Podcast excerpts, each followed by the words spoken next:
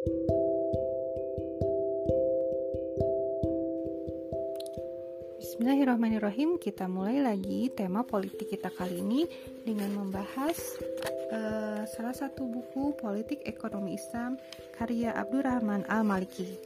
Pembahasan yang selanjutnya adalah pertanian yang dia adalah merupakan salah satu sumber sumber-sumber ekonomi yang sudah dibahas di episode sebelumnya. Pertanian. Asas pertanian adalah tanah sedang tenaga manusia, skill dan alat hanya merupakan sarana, bukan asas pertanian. Benar bahwa tenaga manusia mempunyai pengaruh dalam menentukan jenis produksi dan dalam peningkatan produksi, tetapi bukan asas pertanian. Benar bahwa skill mempunyai pengaruh dalam menentukan jenis produksi dan dalam meningkatkan kapasitas produksinya, tetapi ia bukan faktor produksi yang asli. Benar bahwa alat juga punya pengaruh dalam menentukan jenis produksi dan dalam meningkatkannya. Terkadang, alat mempunyai pengaruh lebih besar dibandingkan tenaga manusia. Meski demikian, ia bukan faktor produksi yang asli, sebab jika tanah tidak ada, maka tenaga, manusia, skill, dan alat secara mutlak tidak akan mampu menghasilkan produksi pertanian. Namun, ketika tenaga manusia, skill, dan alat tidak ada, maka tanah tetap berproduksi, meski hasil produksinya hanya untuk makanan binatang. Tanah dalam kondisi apa pun tetap berproduksi. Hal ini menunjukkan dengan jelas bahwa faktor produksi pertanian yang asli adalah tanah. Termasuk kesalahan mengatakan bahwa tenaga manusia, keahlian tenaga manusia atau berupa keahlian atau skill dan alat sebagai kekuatan-kekuatan produktif. Bahwa interaksi-interaksi antara manusia-manusia yang bercocok tanam atau berproduksi membentuk aspek lain dalam konteks produksi yang dinamakan hubungan produksi. Dan bahwasanya teknik produksi ditentukan oleh keduanya secara bersamaan, yaitu kekuatan produksi atau hubungan produksi. Perkataan ini tampak sekali kesalahannya. Metode penguasaan tanah dan metode pengelolaannya yang menentukan arah produksi apakah metodenya bersifat individual atau kolektif. Sedang hubungan antara petani yang satu dengan yang lainnya tidak berpengaruh dalam teknik produksi. Jika pemilikan tanah itu mubah secara individual, maka pemilikan atas usaha pertanian itu sifatnya individual. Jika pemilikan usaha pertanian itu individual, maka pengelolaan pertanian itu individual dan individual pula produksinya, sehingga bentuk arah produksinya pun individual. Jika penguasaan tanah dilarang, sedang tanah menjadi milik umum di antara manusia, maka pengelolaannya dan produksinya bersifat kolektif, serta bentuk-bentuk produksinya pun bersifat kolektif. Jika tanah milik umum di antara manusia, sedang pengelolaannya bersifat individual, yakni siapa pun boleh mengambilnya asalkan mampu mengerjakannya, maka produksinya membawa pada penguasaan tanah secara individu. Meski hal ini hanya berlangsung satu musim, yaitu, yaitu satu tahun ketika bentuk produksinya bersifat individual.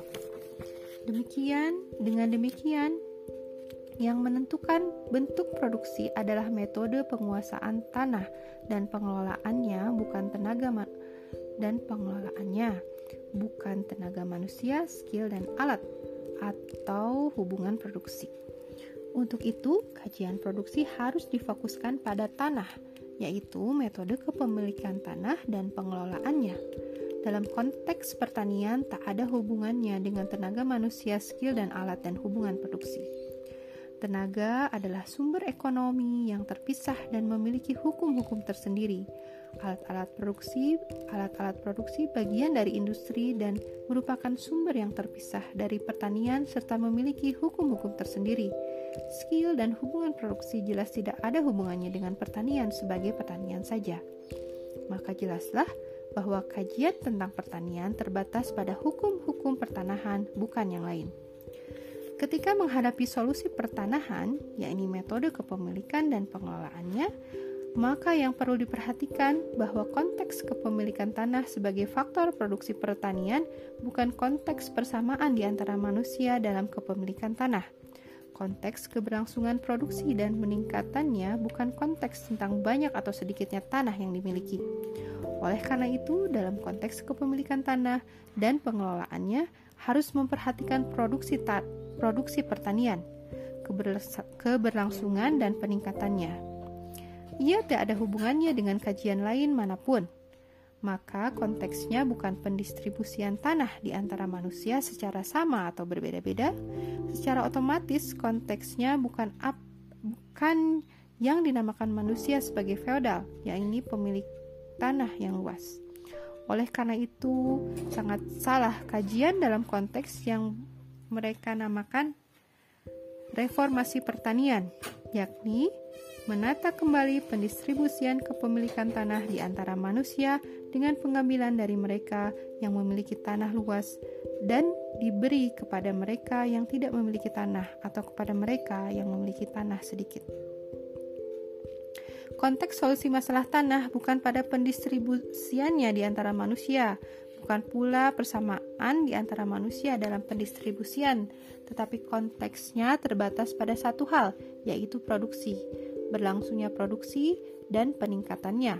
Sebab masalah kepemilikan tanah tidak sama dengan kepemilikan barang-barang lain, seperti real estate, barang berdagangan, uang, binatang ternak, dan lainnya. Tetapi masalah kepemilikan tanah adalah untuk produksi, bukan semata kepemilikan. Masalah kepemilikan tanah juga bukan kepemilikan untuk memuaskan kebutuhan primer, sekunder, dan tertiar sebab memiliki itu untuk produksi bukan untuk pemuas kebutuhan. Ya ini bukan untuk konsumsi.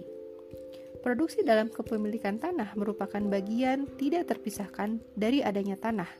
Ya ini produksinya bagian tidak terpisahkan dari kepemilikannya. Tanah tidak sama dengan pabrik, sebab produktivitas pabrik bukan bagian dari keberadaannya juga tidak sama dengan rumah, bahkan berbeda dengan setiap komoditi yang ada di dunia. Sebab tidak ada barang di dunia yang berproduksi sendiri tanpa campur tangan seorang pun dalam produksinya, kecuali tanah. Tanah tetap berproduksi meski tak ada campur tangan siapa pun. Maka kemampuan produksinya merupakan bagian yang tidak terpisahkan dari keberadaannya. Secara umum, hal ini tidak dimiliki selain tanah oleh karena itu, tidak ada barang di dunia yang memproduksinya, merupakan bagian dari keberadaannya kecuali tanah. Maka produksi bagian dari kepemilikan secara pasti.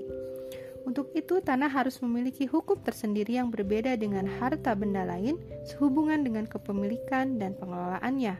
Tanah tidak sama dengan kepemilikan harta benda yang lain juga dengan pengelolaannya. Hukum-hukum itu menjadikan tujuan kepemilikan tanah tidak terpisahkan dari kepemilikan, di mana hukum-hukum itu menekankan pada tercapai tidaknya tujuan, yakni hukum menilai tujuan telah tercapai jika terdapat produksi.